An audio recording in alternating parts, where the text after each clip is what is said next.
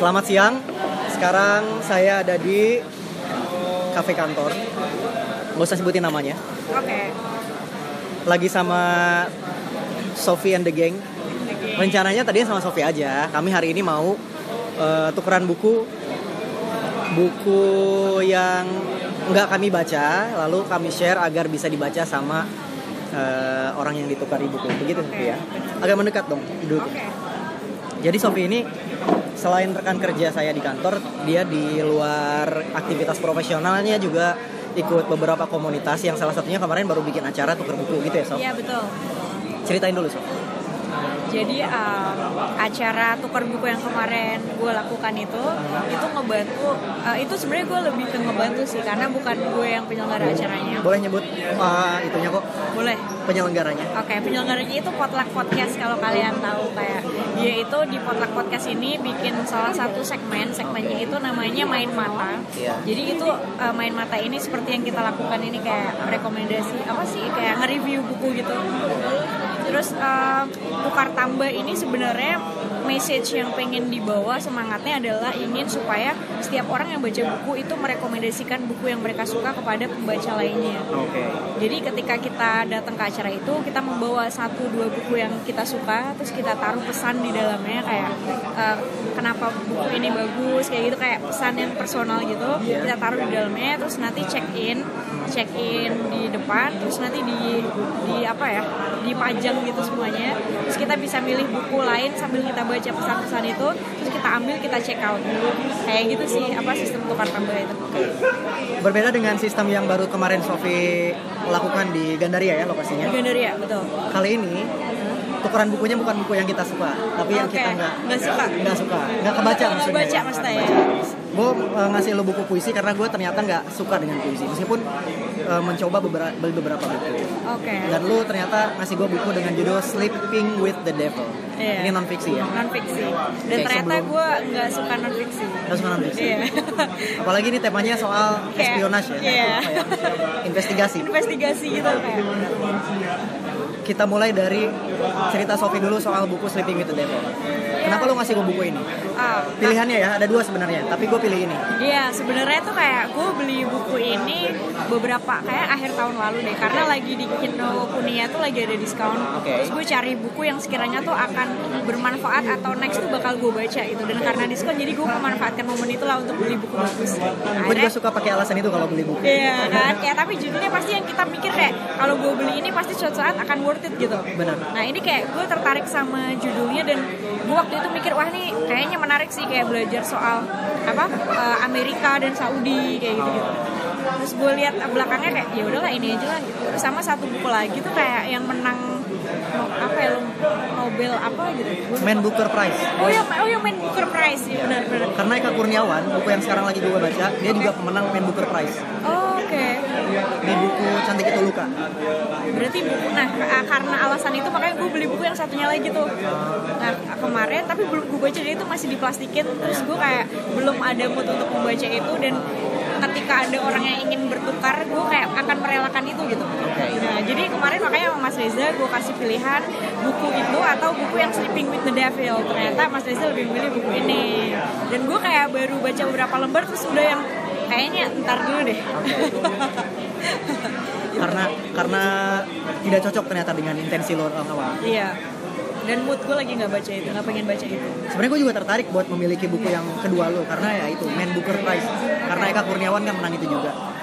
Tapi gue punya banyak PR nih buku-buku lama yang belum dibaca termasuk Salman Rushdie Salman Rushdie yang bikin Satanic Verse kalau nggak salah Satanic Verse judulnya dia tuh penulis eh, Inggris keturunan India yang terkenal karena itu bikin Satanic Bible apa Satanic Verse gitu. Bukan Satanic Bible atau Bible itu Anton Sandor Lavey kalau ini Salman Rushdie. Itu belum gua tamatin juga. Tapi mungkin suatu hari gitu? kalau ya novel. Kalau gua mungkin tertarik dengan Man Booker rasanya lain kita bisa tukeran lagi. Oke, oke, menarik menarik. sejauh ini apa yang udah lu baca dari Sleeping with the Devil?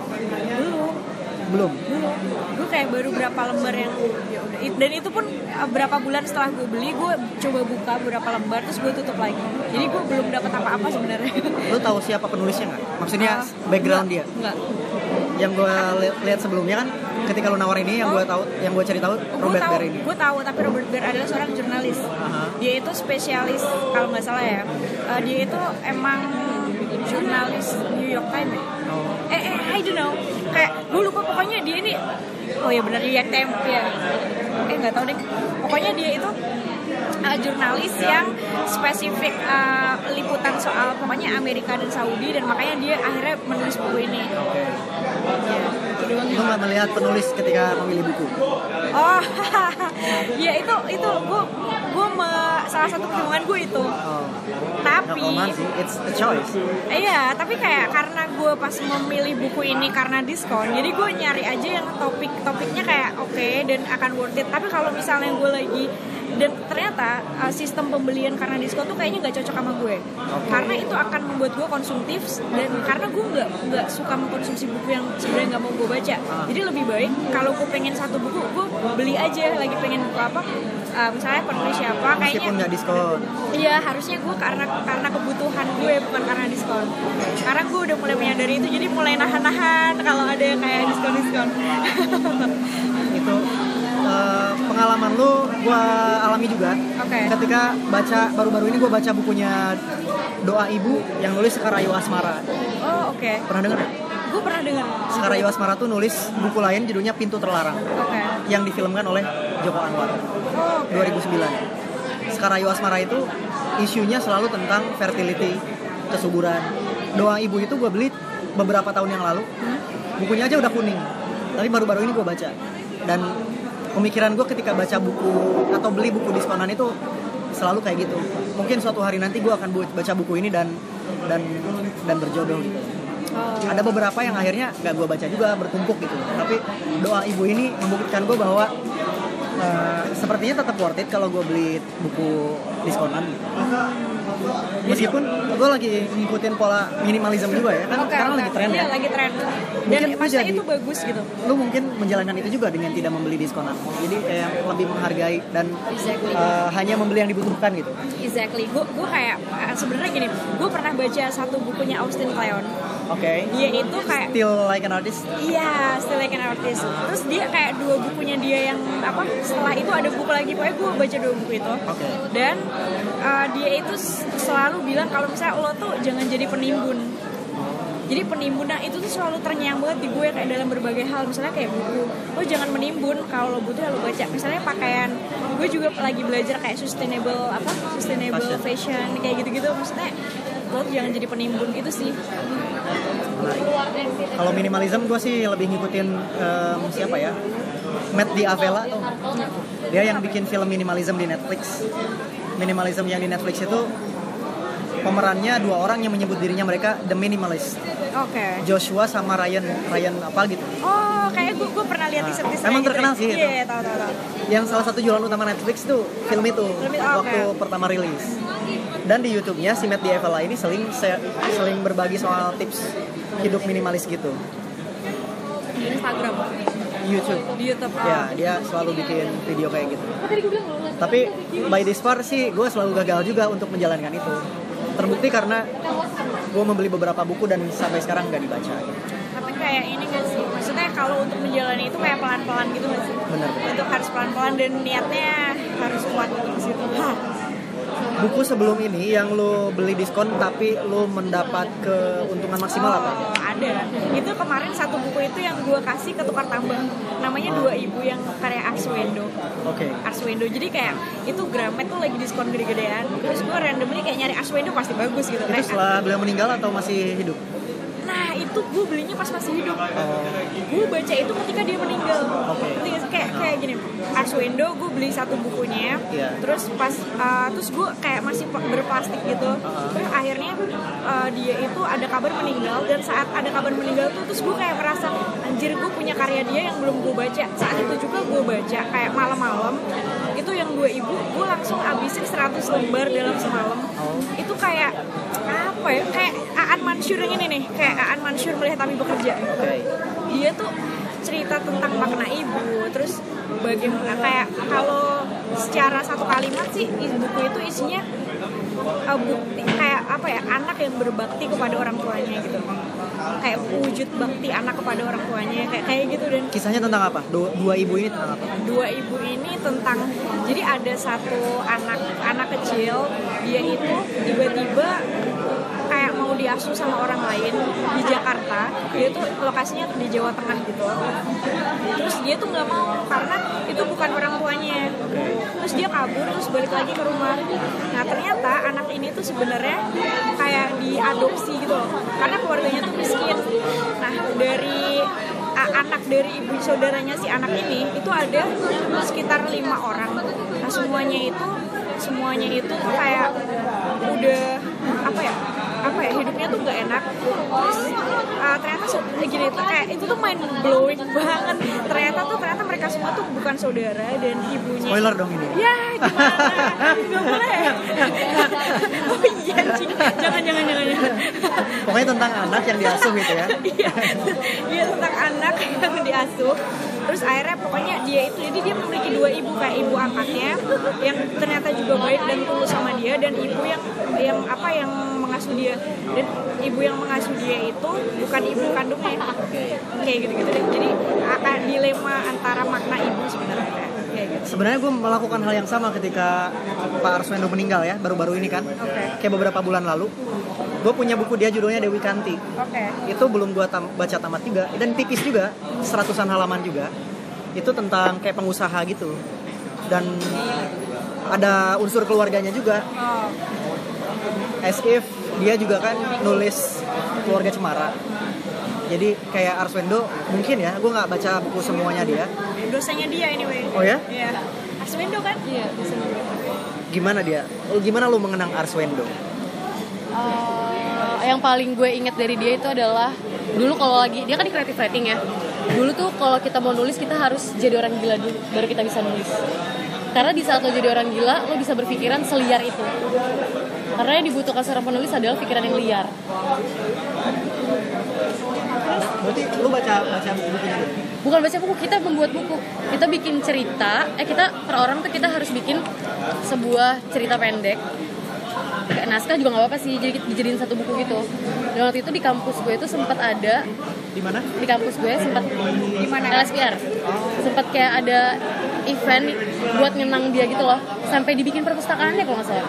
Eh perpustakaan apa apa ya? Apa ruang apa gitu pokoknya iya namanya Arswendo Admi Art ya Atmo Wiloto sampai dibikin kayak apa sih gue nggak tahu sebuah ruangan atau perpustakaan atau lab atau apa sih pokoknya intinya tentang dia gitu. Oke, lupa deh. Buku Arswendo mana yang lo suka? Lu baca karya dia nggak? Nggak. gue gak baca karyanya dia cuma kebetulan dia dosen gue dan jadi dosen favorit aja karena dia santai kali ya santai tapi tuh paling ngeket aja di otak kayak ilmunya gitu Ada pengalaman ini gak gak tentang Arswendo yang ingin lu bagikan kayak orangnya tuh kayak gimana atau misalnya temen lo pernah apa ini sih Apa? yang apa sikap sifat dia yang paling istilahnya kayak jadi panutan ya dia tuh orang selalu berpikir positive thinking dan gak pernah ngejelekin karya orang lain maksudnya apa pun karya orang dia selalu bilang oh ini bagus. Ya pak yang notabene orang bilang apaan? Nggak bagus gitu biasa aja. Tapi dia selalu kayak memuji karena itu yang namanya hasil karya itu itu semua bagus nggak yang jelek. Kalau menurut dia itu kayak gitu. Itu tadi Ega soal Arswendo Atmawiloto. Kita lanjut ke pembahasan tentang buku favoritnya Sofi nih, Melihat Api Bekerja. Anjir. Sofi ini anaknya puisi banget. Kenapa lu suka puisi? karena tuh membaca puisi itu menghaluskan hati menurut kayak apa ya kayak apa baca puisi itu um, Puisi menghaluskan hatimu. Oke, debatable ini. Oke, oke. Gimana? kayak ini loh ketika ini rasa yang gue rasakan ya kayak apa ya ketika membaca puisi itu lo transfer energi dari pembaca terus uh, dari penulis ke pembaca apalagi puisi itu adalah karya-karya yang jujur itu kayak apa menyentuh terus personal jadi kayak sifatnya personal menyentuh dan halus gitu kayak Siapa know. aja? Siapa aja penyair yang lo ikuti? Mansur. Uji Tukul yang yang baca, yang baca. kayaknya kita kayaknya dia nggak nggak halus ya, justru provokatif kan. Oh iya iya. iya. Kayak gini kayak oke iya bener dia, dia kayak gini kalau baca puisi tukul pasti lo akan marah gitu. Iya. lo akan baca puisi itu lo akan marah tapi tapi itu di situ itu menyentuh nurani lo gitu loh apa nih Apa itu? apa nih dia jadi Intermezzo kampus dulu gue itu bikin uh, Center of Performing Arts. Nama ruangannya itu namanya Pak Arswendo untuk mengenang jasanya dia. Oh Arswindo Art Mowiloto Center for Performing Arts. Oh iya keren. Al-Fatihah buat Pak Arswendo. iya. Meskipun bukan muslim. oh, oh bukan ya? Al-Fatihah wah iya Lanjut Sol. lanjut um, Puji tukul. Kayak ini loh maksudnya ya menghaluskan kayaknya menghaluskan kurang tepat untuk mendeskripsikan ini ya kayak me- menyentuh menyentuh apa ya sisi personal gitu loh menurut gue kayak ketika gue kalau susah mendeskripsikannya tapi gue selalu suka uh, dan, dan melalui puisi tuh gini gini gini gini kayak gue gue pernah pernah kayak datang ke suatu workshopnya An Mansur gitu Di di di kota tua kayak di museum apa gitu bukan di di- Makassar ya? bukan bukan yang di literally ah, apa art- Kayaknya gue baca beritanya juga deh iya. di Kompas waktu itu karena gue pengen mendalami buku melihat api bekerja ini Oh. agar bisa menikmati ya. Oke, ternyata Lanjut, lanjut, lanjut. It doesn't work. Terus abis itu gue lu mau cabut gak? iya soalnya gue mau ketemu Dadah, Naomi. dadah. Terus gue datang ke workshopnya dia, terus dia dia tuh ngomong kayak gini, uh, membaca puisi itu itu uh, ngasih lihat, uh, jadi kayak puisi ini tuh ini akan ngasih lihat seberapa progres perkembangan seorang manusia. Kayak misalnya gini, gue ngebaca melihat api bekerja di usia 20 tahun, Oke. terus gue mem- memaknai ini tuh dengan hal-hal yang relate di sekeliling gue, kayak realitas sosial di sekeliling gue dan lain-lain. Nah pada usia 30 misalnya, gue akan baca buku ini lagi dan gue udah memaknainya kayak lain lagi, sesuai dengan kayak kondisi kondisi sosial gue, kayak realita yang masalah yang gue hadapi, realita sekitar kayak gitu-gitu dan bener itu jadi uh, melihat perkembangan kita sendiri tuh melalui buku yang kita baca kayak terutama puisi. Sejauh ini buku favorit lo apa? Yang puisi ya? Inilah. Melihat api bekerja. Iya. Oke. Why? Uh, Ini kan- konsep-konsep buku puisinya apa? gini ini tuh bukunya si An Mansur ini bikin buku ini yang ngedesain ini namanya MT Iya. apa desainernya gue juga kenal sama dia Muhammad Taufik ya? Muhammad Taufik tapi uh, nama nickname-nya MT gitu Iya. terus Memang si- keren sih. Ini visualnya watercolor dibikinnya dan surrealis ya. iya Kayak sekali. kuda tanpa kaki. Terus visualnya apa lagi nih? Tuh ada cewek pakai background alam-alam gitu ya. iya. Ya memang suportif sih ke ke soul puisinya yang apa ya? Multi tafsir barangkali. Iya nggak? multi tafsir benar Uh, terus buku ini dibikin jadi si MT sama si Mas Aan ini nggak pernah ketemu sebelumnya mereka kayak by email Oh. Kayak gitu. Terus Mas Aan ini ngirim puisinya ke MT Uh, terus si MT terserah dia mendeskripsikan puisinya seperti apa akhirnya dia membuat visual ini. Oke. nah di launching buku ini mereka baru bertemu pertama kali. Wih. kayak apa ada itu di Kemang waktu itu dan gue nggak bisa datang. Padahal gue kayak udah pengen datang banget. Terus eh, nah di, di buku ini di setiap puisinya tuh menurut gue kayak dia itu ngomongin soal apa kompleksitas hidup di kota terus bagaimana hubungan relasi antar manusia yang sekarang cukup apa ya berkurang di era modern kayak modern. Terus habis itu hubungan uh, anak dan dia selalu memakai kata ibu gitu loh di sini kayak selalu anak dan ibu anak dan tapi kalau misalnya kita pahami lagi dengan misalnya ibu ini adalah sosok yang lain itu juga kayak relate juga gitu. Terus dia sengaja di sini tuh kayak nggak bikin nggak bikin daftar isi Iya. karena ketika Oh iya ya, bener juga. Iya, jadi kenapa dia sengaja nggak bikin daftar isi karena biar setiap kali orang kayak buka terus dia baca, Ah. itu ya dia langsung menikmati itu. Sama apa lagi ya, gue lupa alasan dia yang kedua.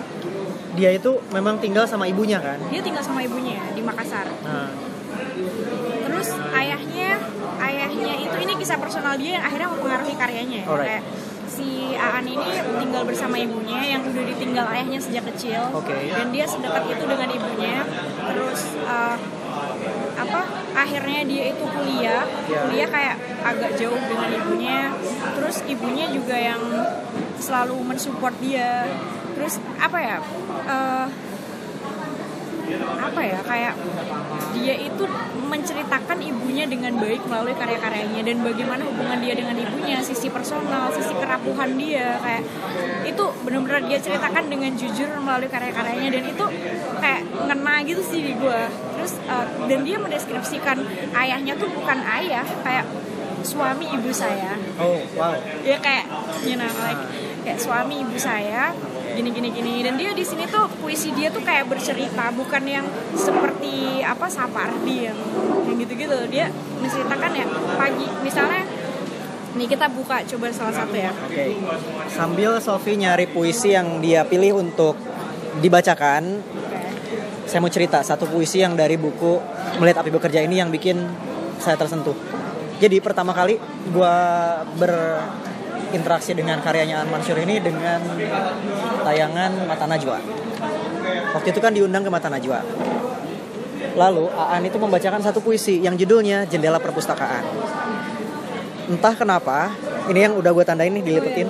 Jadi kayak gue merasa ada semacam perasaan sendu gitu loh. Kayak anjir ini buku tentang kekurangan minat baca orang, tapi bisa bisa segini menyentuh gitu. Itu yang yang gue rasakan. Sehingga akhirnya gue beli buku ini dan dan sedang berusaha untuk uh, menikmati di taraf yang sama gitu. Karena uh, sepertinya memang perlu mood yang bagus untuk menikmati puisi ya. Puisi lainnya misalnya ada yang soal apa ya?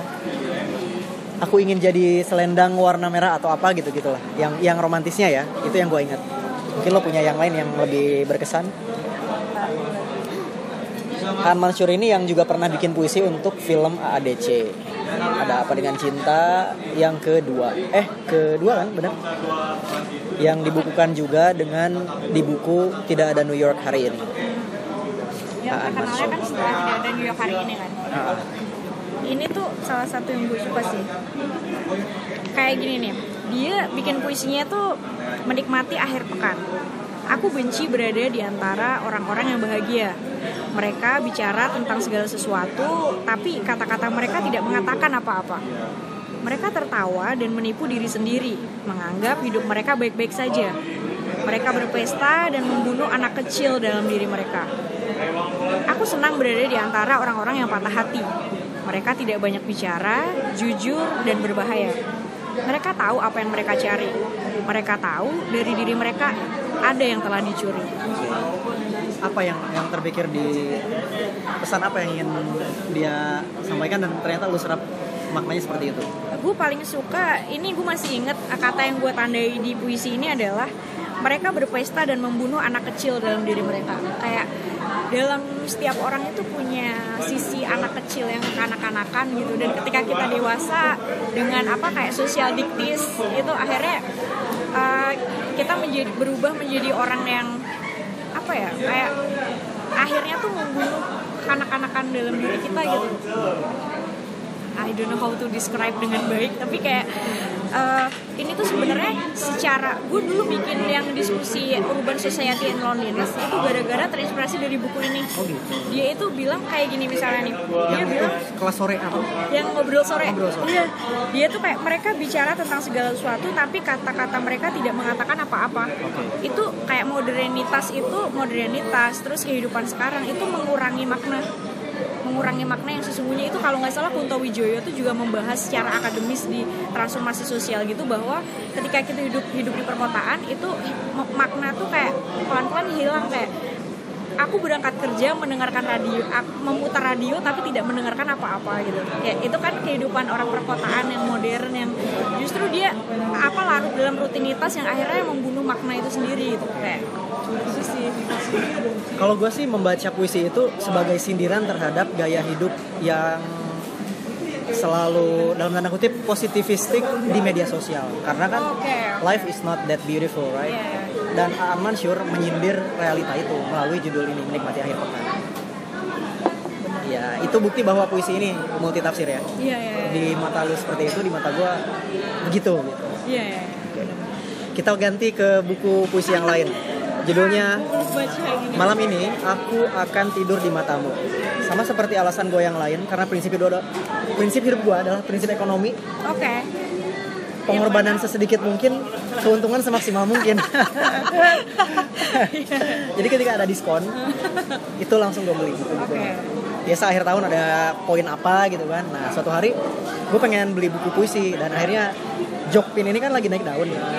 Beberapa tahun terakhir ya? kayak? beberapa tahun terakhir dia lagi kayak mempopulerkan kata ibadah puisi eh, kata-kata awam yang ternyata bisa jadi puisi kayak apa ya latihan tidur gitu kan latihan tidur jadi puisi lalu soal perkakas yang jadi objek puisi Eh, sebenarnya ada baru-baru ini yang dia terbitkan buku baru yang bikin gua terkesan ya soal permainan kata sih Oh, Oke.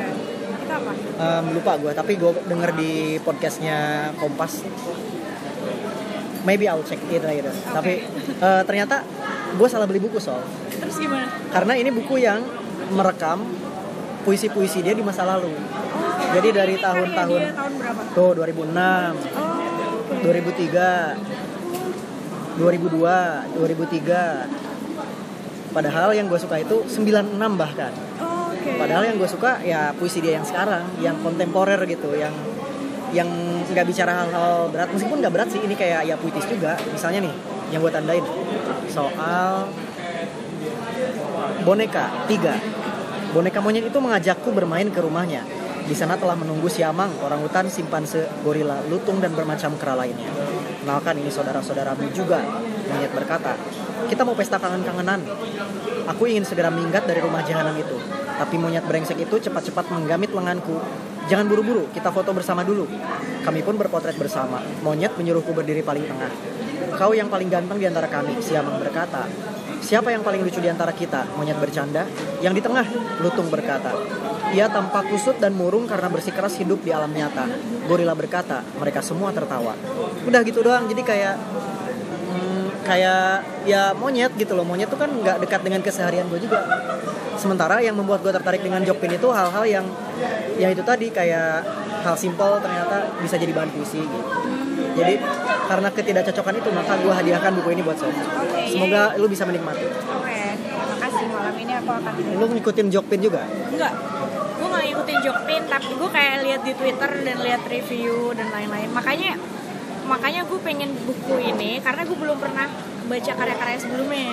Dan gue tahu dia bagus. Dan saat itu di acara potluck podcast para podcast itu sebelumnya kan mereka tuh kopi keliling kan dalam komunitas. Jadi acara pertama yang mereka bikin itu namanya Kemang Art and Coffee Festival.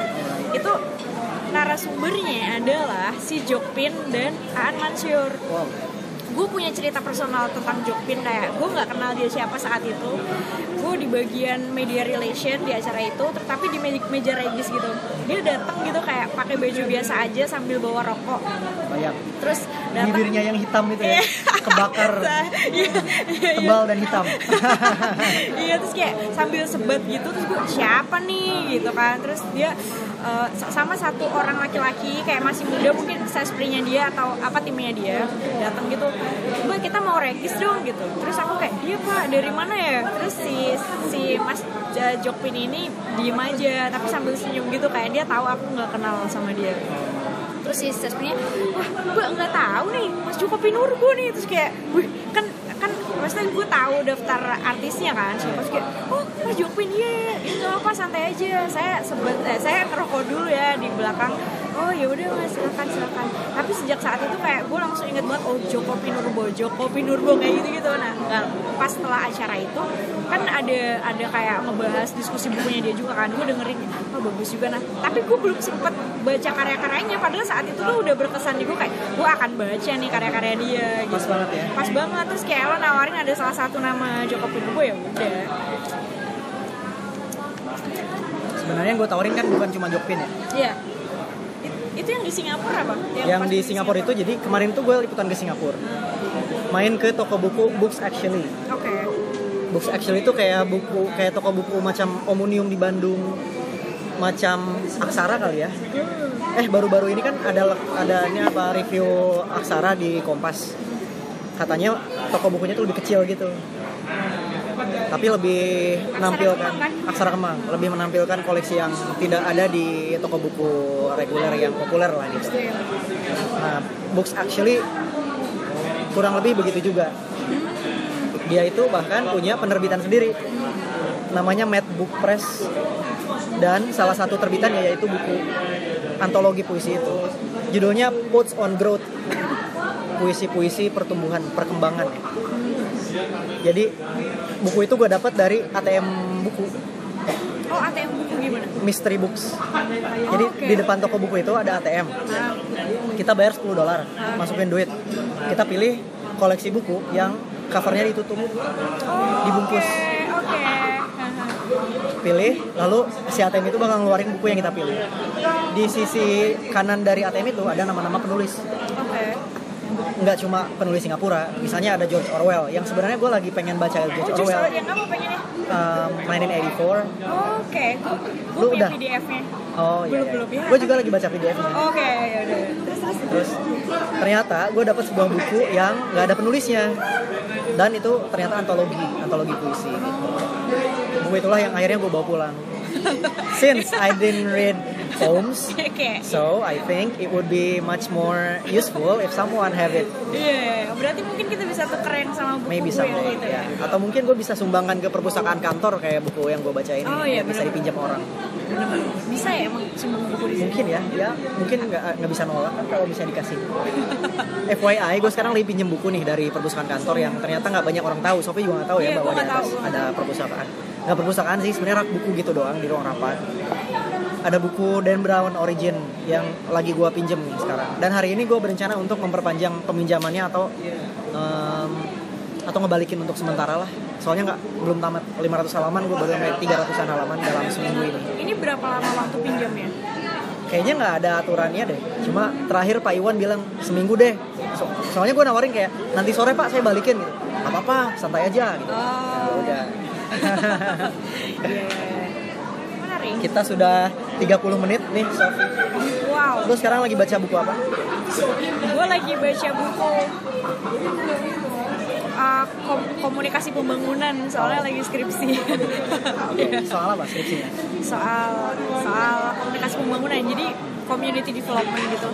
Community development pekerja migran Indonesia terutama di Wonosobo. Jadi gue kayak uh, nyari komunikasi pembangunan dan teori apa uh, difusi inovasi. Oke it's so Gitu-gitu. academic. Iya. yes, akademik jadi masih proses doakan ya guys. Oke good luck Sofi thank you. Since you have to go home at 2 at 2 ya udah 10 menit lagi. Dan gue juga harus pergi lagi. Oke Thank you buat perbincangan siang ini kapan-kapan kita bertukar buku lagi. Kita baca dulu buku masing-masing nanti kita bahas lagi. Yes kita review lagi. Oke. Okay. thank you. See you. Bye bye